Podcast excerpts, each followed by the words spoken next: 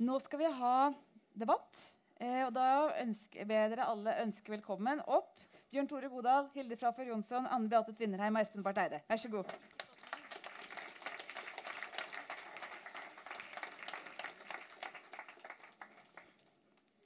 De sitter her. Ja.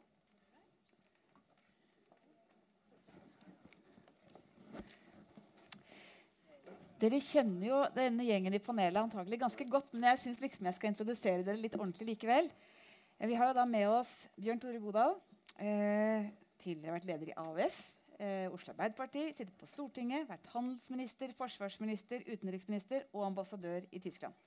Og har også nå ledet evalueringen av Norges innsats i Afghanistan, som jeg tenker vi kommer til å komme litt tilbake til. Det er vel den første gang vi har gjort en så grundig evaluering av et eh, internasjonalt oppdrag. Så det, det er Bjørn Tore. Eh, vi har også med oss Hilde Frafjord Jonsson. Eh, hun har nå, som dere også alle vet, vært eh, FNs generalsekretærs spesialutsending og leder for FNs fredsbevarende operasjon i Sør-Sudan. Hun har vært nestleder i UNICEF i New York. Hun har sittet på Stortinget for KrF og vært utviklingsminister i sju år. Og så har vi Anne Beate Tvinnereim. Eh, hun jobber nå i Norad, men jeg er egentlig UD-dame. Eh, eh, og er nestleder i Senterpartiet. Og har også bodd ute og jobba for eh, vært diplomat i Mosambik. Og så har vi med oss Espen Barth Eide. Eh, til de observante dere så er da dette ikke Thorvald Stoltenberg, som, som egentlig skulle komme. Og det er synd at han ikke kunne komme, men vi er ganske fornøyd med han stand-in vi fikk. da. Espen er jo da nå direktør i Verdens eh, økonomiske forum. Eh, han er utsending til Kypros for FNs generalsekretær og har også vært forsvarsminister og utenriksminister. Så dette er en, eh, en gjeng som har greie på utenrikspolitikk. Det må vi kunne si.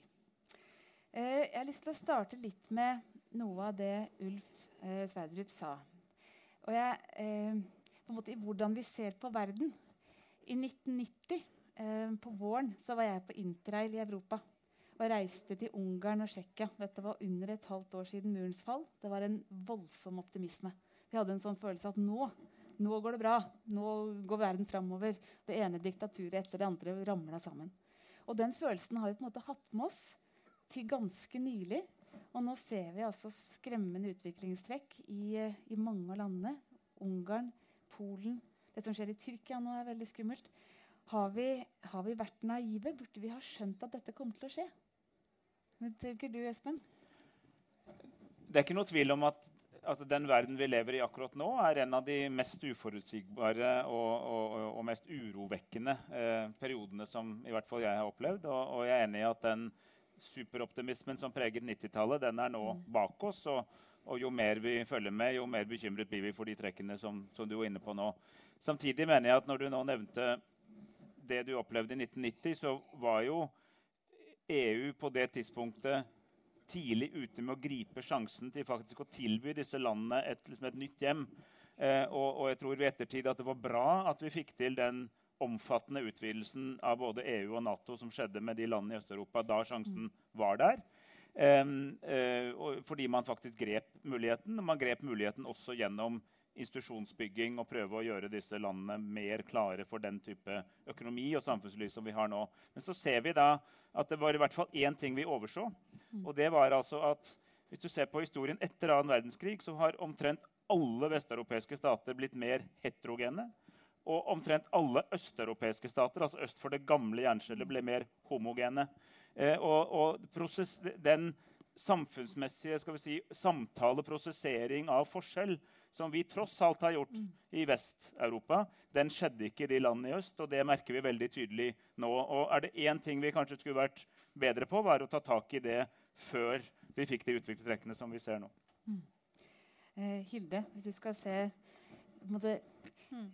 trender, utviklingstrekk En ting er Europa, men hvis vi også ser litt utenfor, utenfor Europa, og du skal beskrive den Espen var litt inne på det. Ting er blitt mye mer utforutsigbart, mye vanskeligere. Hvordan ser det ut fra ditt ståsted? Jeg husker da jeg var politisk rådgiver for Kjell Magne Bondevik det ene året han var utenriksminister, i 1989-90. Og Da var det noe som het Østeuropa-avdelingen. det husker du sikkert, Bjørn Tore. Og Da var det bare å snu bunken hver gang man møtte et østeuropeisk land. For det var aldri noe nytt å si. Og det var ingenting nytt som skjedde. Eh, og nå er det stikk motsatt. Altså det er det absolutte motsetningen av den tiden. Mm. Eh, og det er klart, eh, Jeg tror vi er i en eh, global brytningstid hvor vi ikke helt vet hva det er som kommer til å skje. Og det er alltid skremmende. Eh, men det som er veldig viktig å huske, det er at vi kan være med på å styre den utviklingen. Hva er det den brytningstiden gjør med oss, og hvordan skal utfallet bli? Og jeg tror det er noe av det viktigste. er på en måte å tenke at eh, Nå er utenrikspolitikk noe av det mest avgjørende vi kan stelle med. For hvis ikke vi, det, hvis ikke vi fikser dette, og passer på at vi i en brytningstid hvor vi ser en potensiell ny kalkrid, kald komme Vi ser en kanskje potensielt trigger-happy president som vi trodde var isolasjonistisk, men kanskje Ja, men ingen vet. Um, vi ser sant, eh, en veldig fragmentert verden hvor det er mye vanskeligere å skape konsensus om veldig viktige globale spørsmål. Um, og vi ser en, uh, enda større globale utfordringer som skal løses. altså Konfliktene øker. Uh, det har vært en tredobling i antall borgerkriger bare fra 2007 til 2014. Bare som ett eksempel av mange.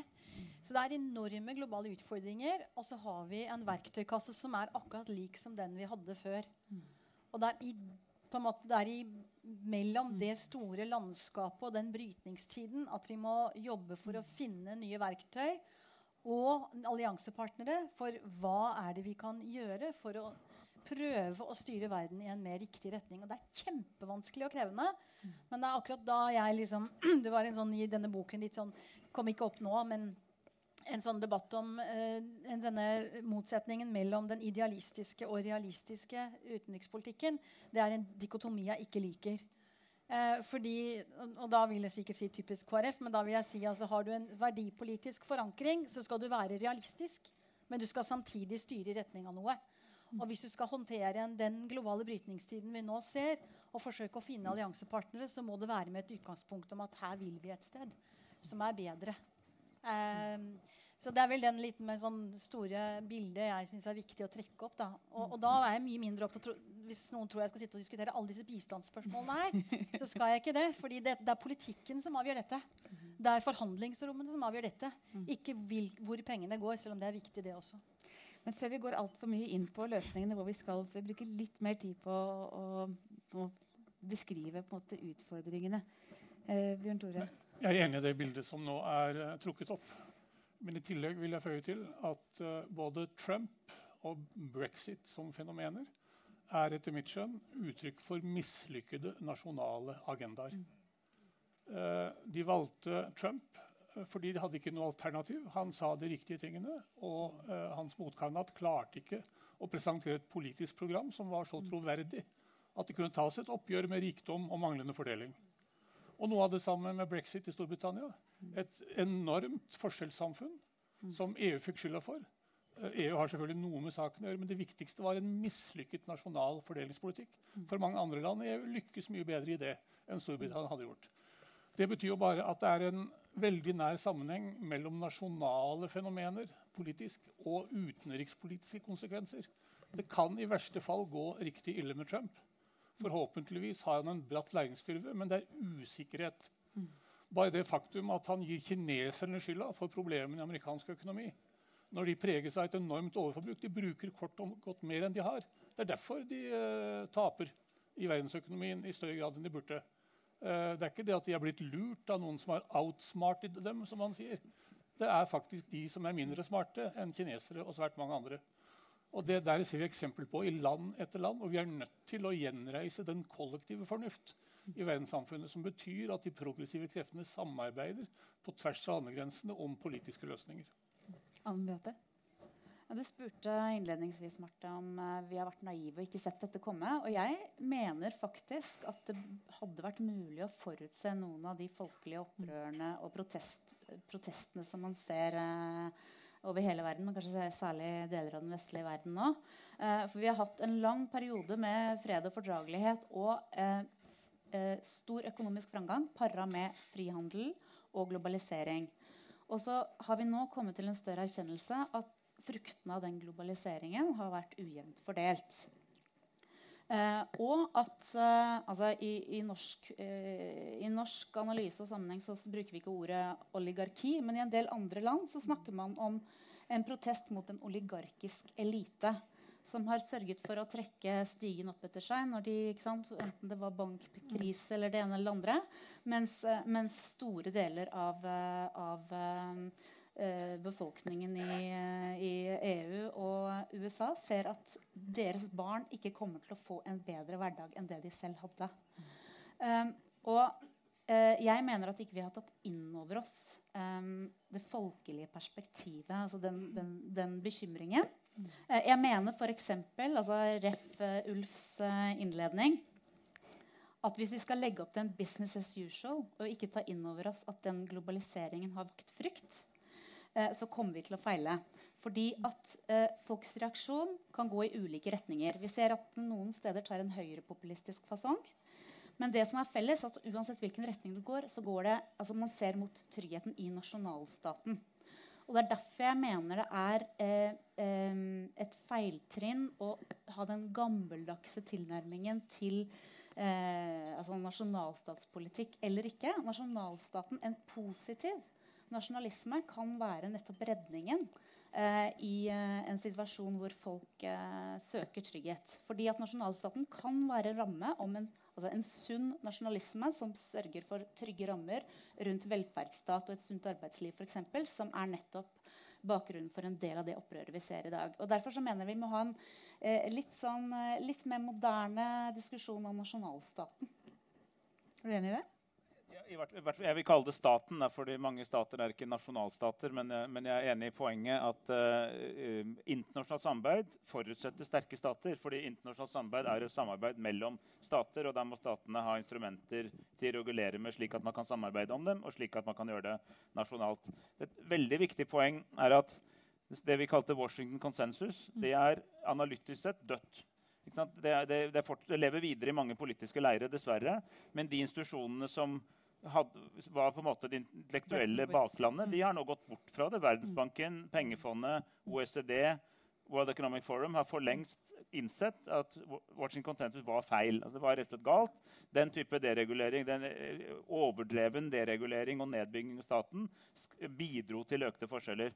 Men det er veldig viktig, her er jeg veldig enig med, med det Ulf sa, og det ligger også i det, det Stine og Kim skriver og sier, det er at det er ikke frihandel som er problemet. Men, eh, frihandel er bra. At, og, og, Det er bra for Norge det er bra for land generelt at man handler. Det er rasjonelt å handle.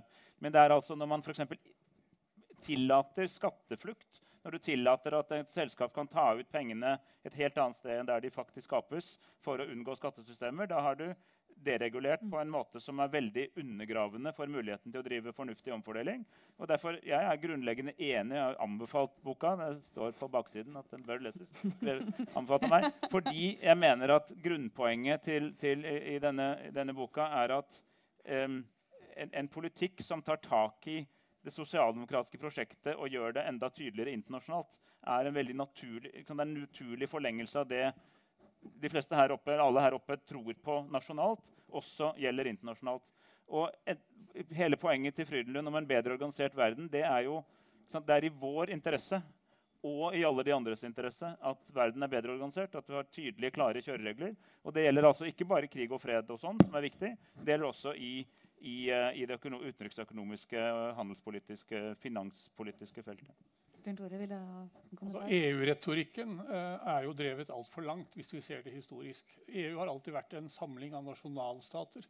Da jeg kom til Berlin som ambassadør, så var noe av det første jeg spurte om i det tyske UD når nedlegges Utenriksdepartementet i Berlin, og når overtar Brussel? De så sjokkskadd på meg og sa det skjer jo aldri. Nei, sa jeg. Det kommer aldri til å skje. Men hvorfor sier dere det ikke? Hvorfor er det ikke mer offentlig på hvor, hvor går grensene for EU, og hvor går grensene for nasjonalstaten? Der har EU hatt et problem hele veien. Det har nå fortatt seg, heldigvis. De har fått noen sjokk som har virket positivt på dette. Men det må ikke gå så langt at vi skusler bort mulighetene for at EU og andre kan bidra til overnasjonale løsninger der hvor vi må ha løsninger på tvers av nasjonalstatsgrensene. Det er der problemet ligger. Og Der er det på noen områder EU som er den mest effektive. Det er de eneste som hamler opp med internasjonale monopoler, bøtelegger og passer på konkurransesituasjonen. Eksempel. Eh, det er lenge til vi får noe tilsvarende på globalt nivå som kan ta den rollen i Europa som EU har nå. Så her må vi skille det ene fra det andre og være klare på hva er det vi ønsker skal være nasjonalstatskompetanse, og hvor må vi samarbeide bedre. Klimapolitikken er åpenbart et felt hvor vi må ha sterke overnasjonale mekanismer hvis vi skal levere på det. Vi skal litt mer inn på hvordan all denne innsikten skal eh, gjøres om til en ny norsk utenrikspolitikk. Jeg har lyst til å gå litt, eh, et lite skritt tilbake. for Nå har vi snakket en del om utviklingen internt i Europa, uh, USA. Men det har også skjedd ganske store ting utenfor. Vi har et, et trusselbilde som ser ganske annerledes ut. Vi har for første gang på veldig lenge hatt en væpna konflikt i Europa. Det er det ene, med Russland. Eh, vi har nå Nord-Korea, som er eh, mer ellevilt enn noen gang. Eh, og så har vi også en, en helt en ny situasjon med, med regimekollapser og terror som kommer altså Hele det, måte, det internasjonale eh, som Når man sitter og bare blar inn avisene, så blir man litt redd. Eh, hvordan, ser, hvordan, ser, dere for dere at På hvilken måte truer dette Norge?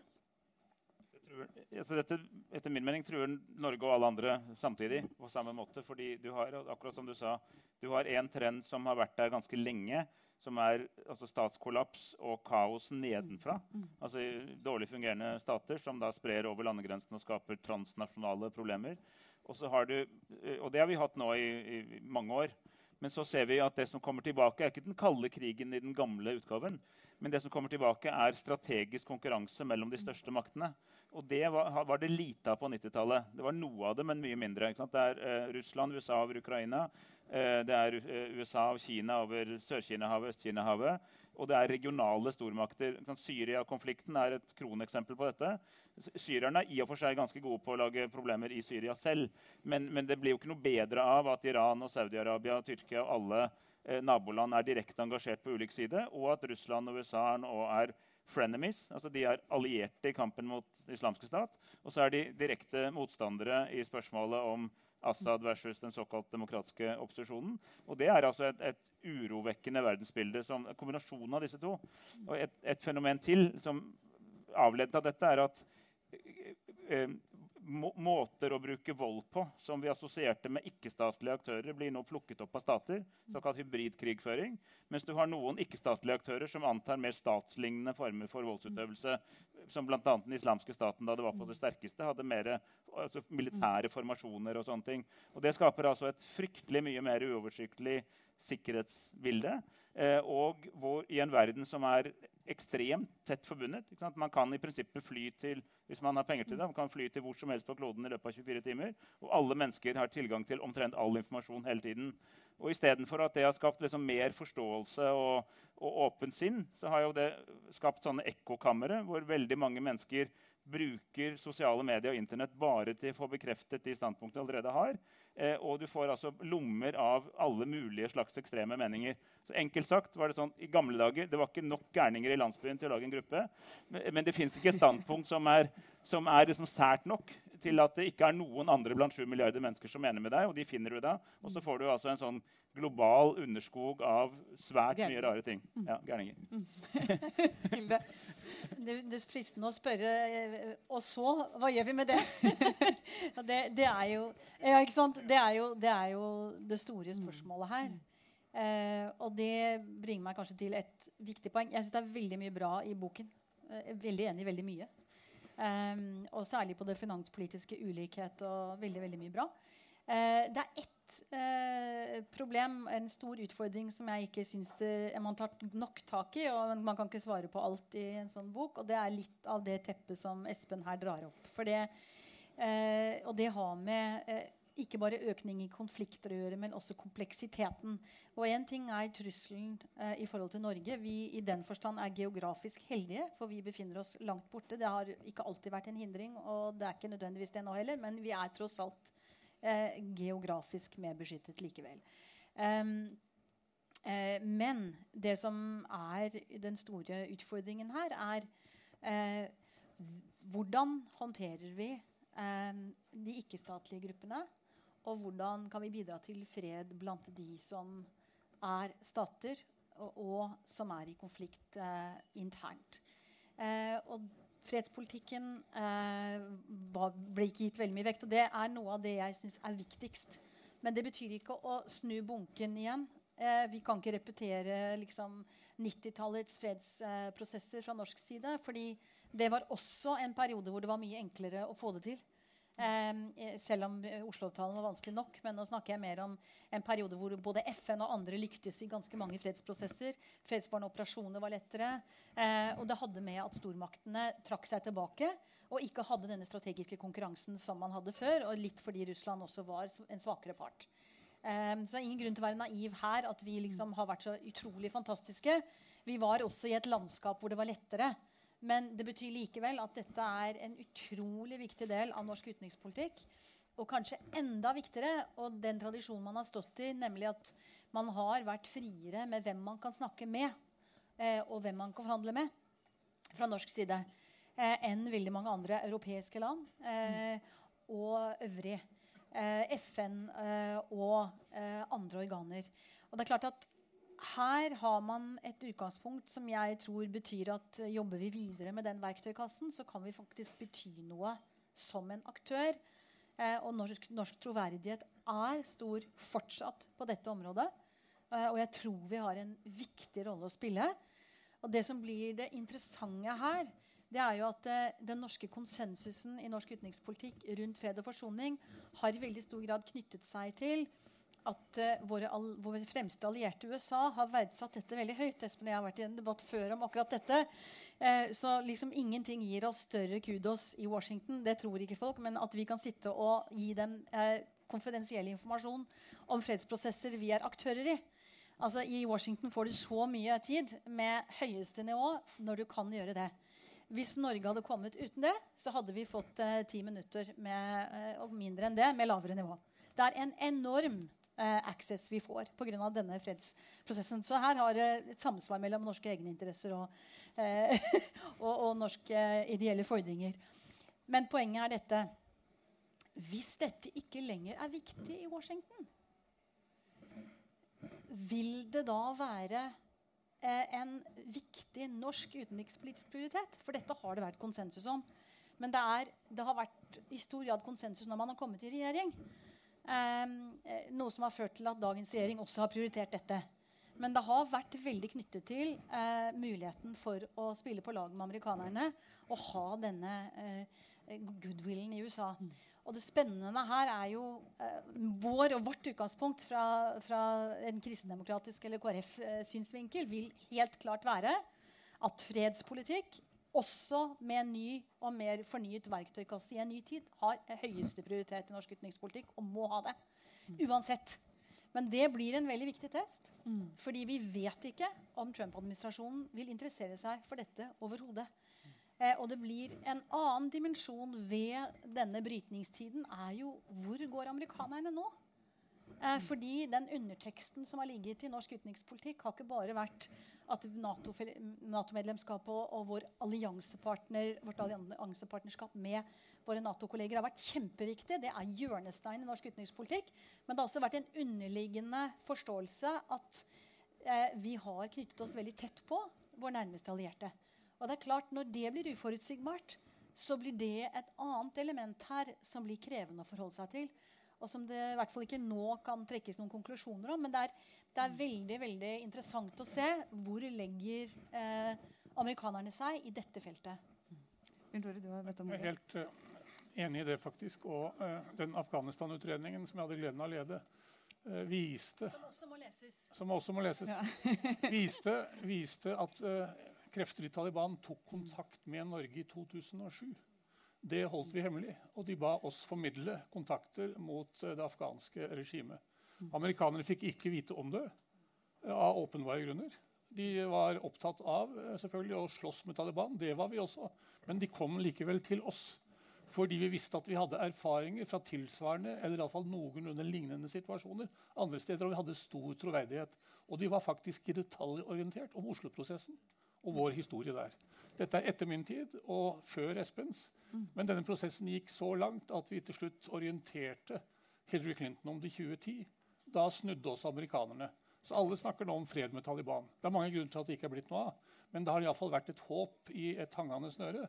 Og alle er enige om at uten en politisk løsning så får vi ikke en stabilisering av situasjonen i Afghanistan. Vi kan ikke slåss oss fram til fred. Eh, så her har vi noe å bidra med eh, erfaringsmessig som jeg tror vil stå seg. Det går litt opp og ned. Jeg nevnte at Hillary først var negativ, så ble hun positiv. Jeg tror enhver amerikansk administrasjon krever både tilvenning og opplæring i verdenssamfunn og verdensforhold, og det er muligheter for å nå fram. Heller ikke Oslo-avtalen var amerikanerne orientert om. Det var jo forhandlinger med en terroristorganisasjon, nemlig PLO, Al-Fatah. Men de kjøpte det da det hadde skjedd. Med andre ord, Den åpenbare fornuften er av og til så stor at også amerikanere snur. og vi har... ja, det er det. Anne Beate, du hadde hva ordet? Ja, og, og, og, nettopp dette oppsummerer jo um, en viktig ting å ta med seg inn i denne debatten, nemlig at mm. Norge er, et, altså vi er veldig godt posisjonert. Vi er på et veldig godt sted, tross alt. Vi er et uh, lite land med høyt omdømme og uh, stor fleksibilitet i forhold til, uh, til stormaktene ikke-EU-land som gir oss en uh, stor grad av fleksibilitet i tillegg. internasjonal politikk. Uh, og, og, såpass ressurssterkt at vi kan uh, gå inn og bygge globale altså vi kan bidra til globale felleskoder som gir oss en posisjon. Um, og en av de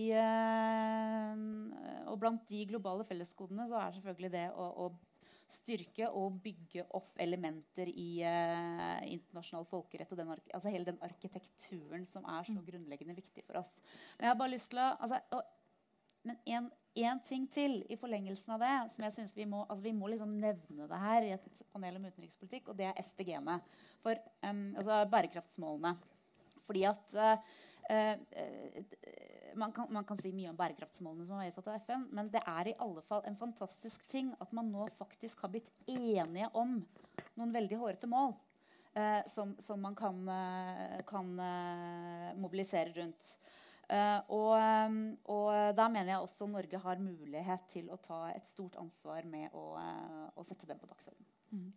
Jeg har lyst til å, for Det er også et stort tema som Det var jo egentlig Kim og Stina som var inne på Frydenlunds arbeid for en bedre organisert verden. Det har liksom vært kjernen i norsk utenrikspolitikk i veldig veldig lang tid.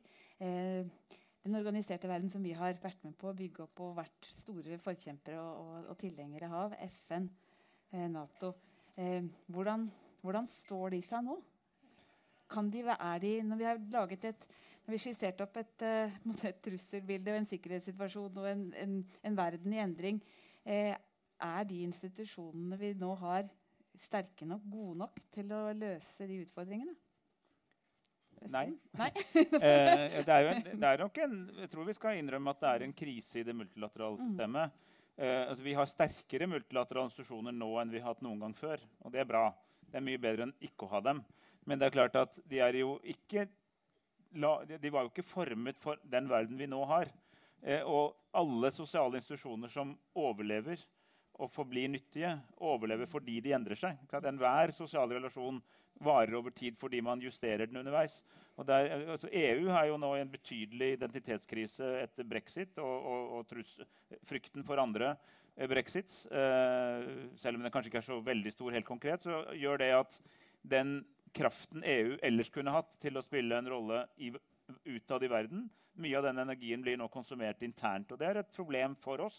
Fordi jeg mener at Uavhengig av tilknytningsform så er det i vår interesse at EU lykkes. Så Det er egentlig et mye viktigere poeng enn om Norge er med eller EØS. eller sånt. Det er viktig for oss. Men, ja, nettopp, jeg med det. Men det, men det at det multilaterale prosjektet som EU er, som er det fremste eksempelet på tett forpliktende samarbeid, at det lykkes, det er i vår interesse. Så det bør vi være opptatt av uansett. Og så er altså FN, som jeg nå jobber for, da, så disclaimer Men FF har jo nå fått en glitrende god generalsekretær. Ikke bare fordi han er sjef, men han faktisk er det. Men, men, men, eh, men han ser jo men han, Det er bra. Eh, men han står jo overfor noen enorme utfordringer nå. Både fordi du har altså en Trump-administrasjon som stiller grunnleggende spørsmål ved viktige deler av organisasjonen, sånn som fredsbevarende operasjoner. Men også fordi at FN-systemet som flere av oss har jobbet for, har jo vokst seg veldig stort og kanskje vokst i litt sånn feil retning. Så fryktelig mange organisasjoner som gjør til dels de samme tingene, eh, og som da eh, bruker en god del midler, eh, men ikke nødvendigvis spesielt koordinert og, og, og sammenhengende. Eh, og det er en ganske stor utfordring nå å prøve å dra dette høyeste nivået, altså FN-nivået, multilateralt samarbeid, tettere sammen og prøve å finne svar på de spørsmål som er der nå. Og jeg tror at noen av de svarene ikke bare ligger i mellomstatlig samarbeid, men også en større åpning for å jobbe ut altså sta, akkurat sånn som vi gjør i hjemme. Altså Staten, næringsliv, organisasjoner, privat sektor jobber sammen. Det tror jeg også i mye større grad må bli svaret på globale utfordringer enn bare å tro at vi kan sitte og vedta konvensjoner eller nye institusjoner, og at det alt blir løst gjennom formelle reguleringer. Hilde? Det kanskje fremste tegnet på utfordringene er jo Sikkerhetsrådet. Altså Gjennom hele den kalde krigens tid så var jo Sikkerhetsrådet handlingslammet fordi det var en sånn motsetning mellom Sovjetunionen og, og, og, de vestlige landene. Og nå hadde vi en lang periode hvor det var mulig å finne løsninger i Sikkerhetsrådet på fred- og sikkerhetsproblemer og utfordringer. Eh, få enighet om fredsbårne operasjoner i viktige land osv. Enighet om mandatet. Selv om man aldri er blitt enige om Sikkerhetsrådets sammensetning og e- endringen av det. selvfølgelig. Eh, men så kommer det da nå en tid hvor man igjen da eh, Du begynte å se det på midten av 2000-tallet mot slutten. at Det begynte å det har jo vært krevende hele tiden, det er det alltid, men, men hvor liksom eh, USA og Russland særlig Det er betydelige motsetninger, og man ikke klarer å bli enige om veldig viktige ting. Og det er klart, Eh, vi hadde utfordringer med Irak og osv. Så, videre, så det var klart en, en krise i Sikkerhetsrådet. Men, men, etter det så har man også klart å finne løsninger på en god del problemer. Men nå med Syria og utviklingen etter dette har det vært kjempevanskelig. Og det er klart, Reform av Sikkerhetsrådet altså det er jo en utrolig viktig ting, men eh, veldig veldig vanskelig. Og det hadde jo styrket FN som institusjon. Og, eh, fordi nå er den i en veldig vanskelig, uh, uh, har en veldig vanskelige utfordringer. Og generalsekretæren er helt avhengig av Sikkerhetsrådets støtte for å kunne gjøre ting. Som, som Espen sier, Han har en, en, en ekstremt krevende jobb. Um, og min vurdering er nok at bistandssiden av FN-systemet, med unntak av fire-tre organisasjoner, kanskje, de er tunge. Eh, og de må støttes. Men med unntak av de, så er ikke det det aller mest sentrale FN kan drive med. Det er fred- og sikkerhetsområdet og det normative arbeidet som FN kan drive med. Og her var dere inne på Decent Work-agendaen og sånne ting. Sånne ting er viktig, og der er det ingen som kan erstatte FN. Så jeg mener at, eh, at eh, FN-politikken må få en renessanse på de feltene. Og så blir det jo da et spørsmål om hvilke andre institusjoner som kan kan være tunge nok til å håndtere en del av utfordringene. Og, og her tror, jeg er helt enig i Espens analyse der. Det er veldig krevende eh, å se andre globale institusjoner. Og mitt håp inntil eh, endringen en, av presidentskiftet altså i USA hadde, var at vi kanskje kunne se konturene av det, eh, av det Bjørn Tore snakket om på klimaområdet. Um, altså en sterkere institusjon der. Fordi Obama og Kina uh, klarte jo å bli enige om en avtale. Man så konturene av noe som kunne gå i retning av et større uh, og mer forpliktende rammeverk. Om ikke overnasjonalt, så i hvert fall tyngre. Uh, og, men nå er det klart at igjen er det en stor utfordring. Og jeg tror denne brytningstiden vil vare i denne presidentperioden, hvor det blir vanskelig å se store, tunge globale institusjoner komme liksom, til overflaten og få oppslutning. Mm. More, kan du også si litt om hvordan du tenker at Norge kan være med på å bidra inn fra styrker i disse institusjonene? Ja, vi har jo en, en, forhistorie på FN som jo er plettfri, og vi blir jo sett på som en, en, drivkraft i det. Men vi er jo avhengig av å dyrke fram et annet klima mellom de som tross alt bestemmer mest, og det er stormaktene stormakten i Sikkerhetsrådet. For min del har jeg forventninger til at Kina kan spille en mer positiv rolle enn det mange forestiller seg.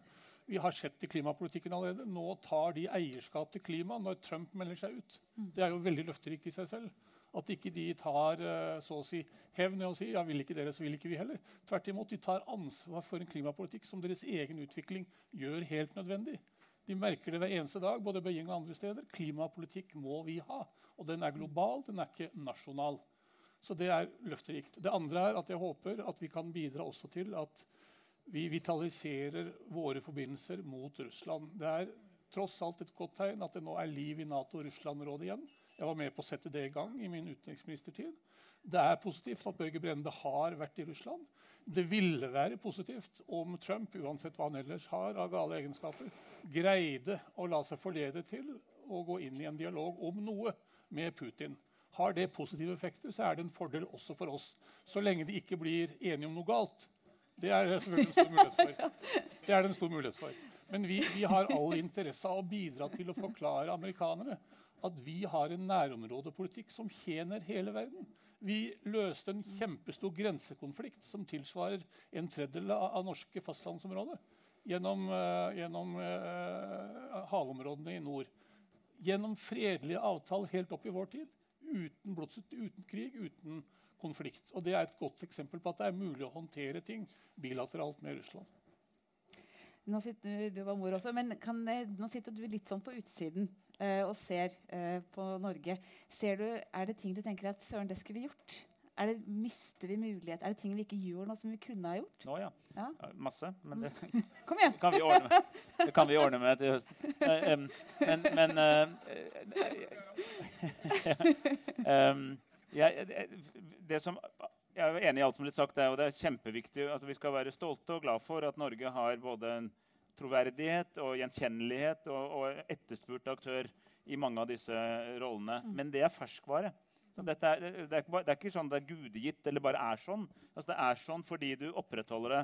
Og, og, selv om vi skal anerkjenne at den sittende regjeringen har videreført mye, så har det ikke vært så fryktelig mye nytt som har kommet opp. Og kanskje ikke så, hvis det har vært noe nytt, så har det ikke vært etter mitt åpenbart subjektive syn, uh, har det ikke vært liksom, så innovativt og spennende og, og liksom, i, i, grenseland som, som, jeg tror det var mye mer av før. Uh, og, og, og, det mener jeg er noe vi skal Du må gjenopplive en del av dette her. Hvis vi nå f.eks. skulle ta uh, Stina og Kims anbefaling på alvor, så kunne man altså en slik, lage en slik agenda. Trenger ikke en eneste ny institusjon. Det er institusjoner nok. Men du tar den med deg til de institusjonene som er der altså globalt, eh, men også til regionale organisasjoner. Du kan jobbe med ILO, du kan jobbe med OECD, du kan gjøre det i partnerskap med EU selv om vi ikke er medlem. Eh, og du kan eh, ta de relevante andre FN-organisasjoner og ha en gjenkjennelig, tydelig politikk hvor man prioriterer dette med f.eks. anstendig arbeid, trepartssamarbeid og sånne ting. Veldig mange organisasjoner, Min opplevelse er at mange organisasjoner lengter etter, altså institusjonene lengter etter at stater tar lederskap. Og en liten, men aktiv stat med gode ideer kan altså få betydelig mer gjennomslag enn man kanskje skulle tro. Fordi at veldig ofte er det ganske rutinemessige politiske prosesser som foretar. Så hvis noen setter agendaen, så kan du gjort mye med det. Men det er altså ferskvare, og det må opprettholdes gjennom hele tiden ligge litt i front. Mm. Det har vært litt sånn man har pleid å si at ja, utenrikspolitikken ligger fast fra regjering til regjering. Eh, Anne Beate, er du enig med Espen at det er, det er forskjeller? Mellom hvem som, eh, at, man, at, det er ulikheter mellom eh, blokkene i utenrikspolitikken? Ja, jeg, jeg mener det er uh, ulikheter. Noe av det stammer jo også fra in, altså, innenrikspolitisk uh, ulik vektlegging. Men, uh, men jeg hadde, jeg, hadde, faktisk lyst til å altså I forlengelsen av det du sa, Espen, så hadde jeg lyst til å trekke fram et eksempel hvor jeg faktisk mm. mener at det kan være enighet, og jeg vil gi ros til de blå-blå. faktisk. Eh, og det er på måten de nå har løfta havrom, altså hav, havrom og havdebatten eh, gjennom en egen melding. Det mener jeg er et sånn typisk felt hvor Norge har eh, verdifull kompetanse og kan forene sterke egeninteresser med eh, kampen for eh, globale fellesgoder. Eh, som eh, du, du, nevnte avtalen med altså delingen med Russland. Eh, vi har veldig mange eksempler på, på norsk kompetanse og kunnskap i forhold til regional forvaltning for eksempel, av felles ressurser, hvor vi virkelig har noe å bidra med. Det ser jeg for meg kan være et felt eh, hvor eh, også en ny regjering vil kunne videreføre et eh, viktig bidrag i, bidrag i eh, den internasjonale arkitekturen og internasjonale folkeretten. Mm. Bjørn Tore? Selvsagt så er det forskjeller også i utenrikspolitikken. Men eh, jeg mener det er en fordel for et lite land Eh, at det er en kjerne med konsensus og enighet. I sikkerhetspolitikken særlig så er det en stor fordel at vi ikke forandrer politikk fra valgperiode til valgperiode. Så det at Høyre, og Arbeiderpartiet og sentrumspartiene finner sammen er en god ting i mange spørsmål. Og så får heller da eh, Fremskrittspartiet og SV på hver sin kant ha sine markeringer, uten at det er noe ulykke. Eh, men det spiller på en måte inn i begge koalisjonene at dette mønsteret er der. Så jeg, eh, jeg syns på en måte vi er godt plassert, og vi kan til og med dyrke uenigheten i større grad enn vi vanligvis gjør. For vi bør få fram nyansene i politikken på en bedre måte, og ikke være redd for det. Ellers, hvis dette nærmer seg slutten, kan jeg bare ta én historie. Jeg ble inspirert av Nord-Korea. Ingen her, nesten med unntak av ti, husker finansminister Anna Kristiansen tidlig på 70-tallet fra Arbeiderpartiet. Hedersmann fra Buskerud. Han ble av en eller annen grunn bedt om å lede en pressedelegasjon til Nord-Korea. Det vakte stor oppsikt, ikke minst i Nord-Korea. Så Kim Il-sung tok seg på tak og inviterte til en større mottagelse og holdt en meget uh, vennligsinnet tale og sa uh, kjære uh, formann Kristiansen med delegasjon, jeg har gleden av å ønske hjertelig velkommen denne delegasjonen fra det kapitalistiske, men vennligsinnede Norge. Hvorpå Ragnar Kristiansen, som tidligere sosialdemokrat og finansminister, men tidligere finansminister, sosialdemokrat er den fortsatt, sa unnskyld, formann, der tar du nok feil. Norge er ikke et kapitalistisk samfunn. Vi har blandingsøkonomi. Alle som sto rundt ham, ble helt stive av skrekk. Ingen hadde avbrutt Kim Il-sung noen gang midt i en tale. Men Kim Il-sung hadde en god dag, så han sa takk, formann Kristiansen. Dette kan vi ha nytte av når nord og sør en gang skal samles.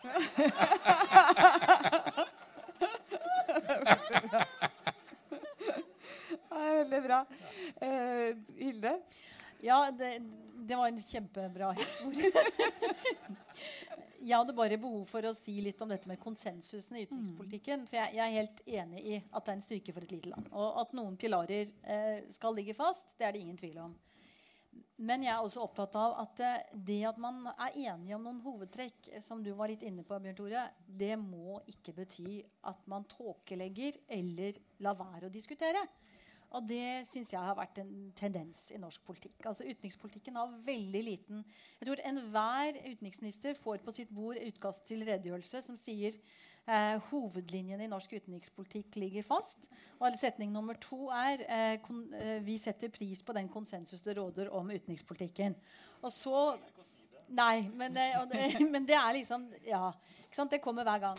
Og det er selvfølgelig en styrke. Men, men det jeg syns er veldig viktig, og det kom i, i forbindelse med Afghanistan-kommisjonens rapport altså, Det er en fare hvis vi lar være å diskutere viktige lærdommer som vi må trekke av norsk eh, engasjement i utlandet, militære operasjoner osv. Eh, og det gjelder Afghanistan, det gjelder Libya. Og vi kan ikke la være å gjøre det. Og det kan ikke være sånn at alle diskusjoner skal tas i den utvidede utenrikskomité, og så er alle fornøyd. Eh, det går fint an å ha de mest konfidensielle drøftelsene og fortrolige eh, samtalene i den utvidede. Og så tar man en ordentlig debatt i salen. Og det er en fordel at vi diskuterer. Og jeg i hvert fall som har vært litt utenfra, sånn som Espen har vært nå, det, det, er i hvert fall min erfaring at det er mye mer levende utenrikspolitiske og sikkerhetspolitiske debatter i europeiske og andre parlamenter enn det er i Norge. Og det er veldig rart med det engasjementet vi egentlig har som land.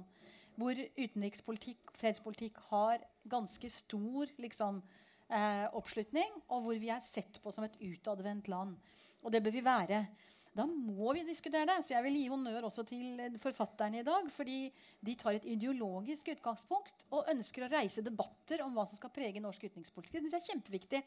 Uh, og jeg satt og tenkte på ja, Hva ville være et sentrumsorientert kristendemokratisk svar? Jeg tror ikke det ville vært kjempeforskjellig på, på mange, mange, ting, men, men, det er viktig å ha den type debatter. Så jeg er liksom veldig opptatt av at Stortinget er stedet for kritisk diskusjon om hva Norge gjør, hvorfor vi skal gjøre det, hvilke virkemidler vi bruker, og gi utenriksministeren råd om det. Og så må vi liksom ikke la denne konsensusen gjøre at vi holder kjeft. Det er det ingen som er tjent med. Ja, det er plass til det. Ja, og det, det var én ting jeg tenkte at jeg måtte huske å få sagt i dag. Og det var nettopp dette med åpenheten eh, rundt den utenrikspolitiske debatten. For er det en ting, og, og, der er det et, en skillelinje i, uh, i, norsk politikk i dag. i forhold til hvor langt man ønsker å gå i den åpenheten. Og jeg må si jeg er ganske bekymra uh, over at vi f.eks. ikke har klart å presse fram uh, diskusjonen om, eller mer åpenhet omkring de norske bidragene til kampen mot ISIL. hvor vi ikke får ikke får ut den informasjonen og ikke får den debatten opp i Stortinget. Det, det, det mener jeg er eh, høyst bekymringsfullt. Mm. Og nå kommer jo eh, veivalgmeldingen i morgen. Skal den ikke legges fram i morgen? Så det blir jo spennende. Da får vi, får vi en anledning til å, til å eh, få dette opp på Stortingets talerstol. Mm. Ulf Sverdrup startet med å si at utenrikspolitikk burde være viktig i valgkampen. fordi den er fordi det er en avgjørende sak for mange velgere. Tror dere at det blir det? Jeg tror at, eh, at eh, det som kanskje kan skje, da, det er at uh, brexit, Trump, den amerikanske valgkampen kan gi liksom en del signaler inn i norsk valgkamp som gjør at man har mer utadrettede diskusjoner. Jeg tror ikke utenrikspolitikk som, som politisk felt eh, vil dominere den norske valgkampen. eller vil ha potensial til det. Men jeg tror at eh, debatten rundt ulikhet, eh, utenforskap, høyrepopulisme globalt altså Alle disse utviklingstrekkene, klima, det, det, spiller inn i den norske valgkampen. Det er folk engasjert i. og jeg tror at Sånn sett så tror jeg det vil være Hva gjør vi med det? Jo, da har vi utenrikspolitikken som virkemiddel. Og da må vi jo få en debatt om hvilke virkemidler vi har. Så sånn sett tror jeg det kan, Og dette er også opp til politiske partier. Så jeg håper vi kan bidra til det. At det blir viktig i den norske debatten. Espen? Altså, vi som sitter der, hører vel til de som kanskje kan påvirke det i noen grad, og ikke bare legge skylden på at media ikke vil snakke om det. Men, men, men, men, det, jeg, Ulf her har rett i den forstand at det er Selv om jeg også tror det kan være mer enn før, og det vil være bra, jeg ønsker det velkommen, så er det i forhold til hvor mye verden betyr for vår hverdag. Altså, du trenger ikke være interessert i Sør-Sudan eller Syria eller Kypros i det hele tatt for å være interessert i verden, fordi verden er grunnlaget for vår vekst og velstand og liksom den verden vi lever i. Og det er ikke nok reflektert i norsk allmennpolitikk. Det er kanskje ikke nok reflektert i andre lands allmennpolitikk heller, men det er noe jeg tror et land som Norge burde prøve å gjøre noe med. Og det er både debattanter og publikum og media og agenda og sånn ansvarlig for. Ja. Vi, vi, gjør så godt vi kan. Anne Beate? Utenrikspolitikk er jo innenrikspolitikk, eh, eller omvendt. Eh, og omvendt. Eh, og, og folk føler et stort behov for trygghet. Altså jeg tror dette, det, altså Trygghet blir viktigere og viktigere i den politiske debatten også i Norge framover. Og jeg starta med med å si at jeg tror at eh, det å, å skape Eh, et, et, altså gi, gi, folk et svar på den utryggheten eh, som gjør at du ikke rømmer til de høyrepopulistiske strømningene, det er kjempeviktig, og det er også et felles ansvar. Okay, jeg kan bare henge på det, for det Andreas sier der er kjempeviktig. Og, men jeg tror det er et komplisert svar. Fordi eh, ikke, det, er ikke lenger mulig å love en rolig og fredelig og forutsigbar tid. Det, ikke, det, var kanskje mulig på 50-tallet. Det kan man ikke. Så du må, det du må gjøre, er å skape en trygghet gjennom en evne til å forvalte konstant endring. Fordi verden fremover blir en verden som endrer seg hele tiden. Så Teknologisk innovasjon, økonomiske skifter osv. Det er, og det er, liksom, det, er faktisk et, er liksom, liksom grensesprengende i forhold til menneskers erfaring. fordi at Generasjoner fram til nå har kunnet regne med at mine barns liv kommer til å ligne på mitt. Men jeg regner med at liksom, mine barns jobber er ikke funnet opp ennå. Mm. Sånn det, altså, det, det, er ikke mulig å utdanne dem på vanlig måte, for de vet ikke hva de heter. De kommer om noen år. Og, det, og, og, og hvordan du skaper den tryggheten i en slik virkelighet, det, blir en stor og krevende politisk prosess. Alternativet er da falske løfter om enkle svar. Så jeg tror veldig mye av de som stemte på både brexit og Trump. Og det, og det, er helt reelle grunner. Altså, folk hadde reell bekymring for reelle problemer, men trodde at noen kunne love dem en tilbake til en fortid hvor ting var greit og ordentlig organisert. Eh, og det kan man ikke på samme måte lenger. Hva gjør man da? Hva gjør man da? Det skal du få lov å svare på, Bjørn Tore. Du er den siste som får ordet her i kveld. Nei, altså jeg tror alle valgkamper i Norge historisk har vært litt introverte. Ledelsen i alle partier fokuserer på innenrikspolitikken både ved stortingsvalg, for ikke å si kommunevalg. Mm. Men det begynner jo å forandre seg utfordringen er nå så påfallende. inn i vår hverdag. Fra enten det er terrorisme eller noe annet, så, så er det over og så på skjermen absolutt hver dag. Og Det betyr at jeg tror våre politiske ledere enten de er i det ene eller andre partiet, gjør klokt i å reise disse spørsmålene høyere på dagsordenen. Og Der har de en jobb, for de setter en dagsorden, og vi kan bidra alle sammen etterpå. Men det er tross alt mye bedre enn det var på 50-tallet. Jeg husker jeg som liten bøtteknott satt og hørte på Halvard Lange på radio han holdt utenrikspolitisk kåseri to ganger i året. Og når han var ferdig med å tale på radio, så var det som skulle sies om utenrikspolitikk det året sagt. Noe mer trengte vi ikke. Noe mer trengte vi ikke. Jeg syns dette var flotte greier, selvfølgelig, men det var jo ikke så veldig mange som ble eh, animert til å diskutere noe særlig etterpå. Det er tross alt helt annerledes. Det lar vi bli avslutningen. Vi kommer til å diskutere disse spørsmålene masse fram til valget og etter. Tusen takk for at dere var her i kveld, og tusen takk for alle dere som kom.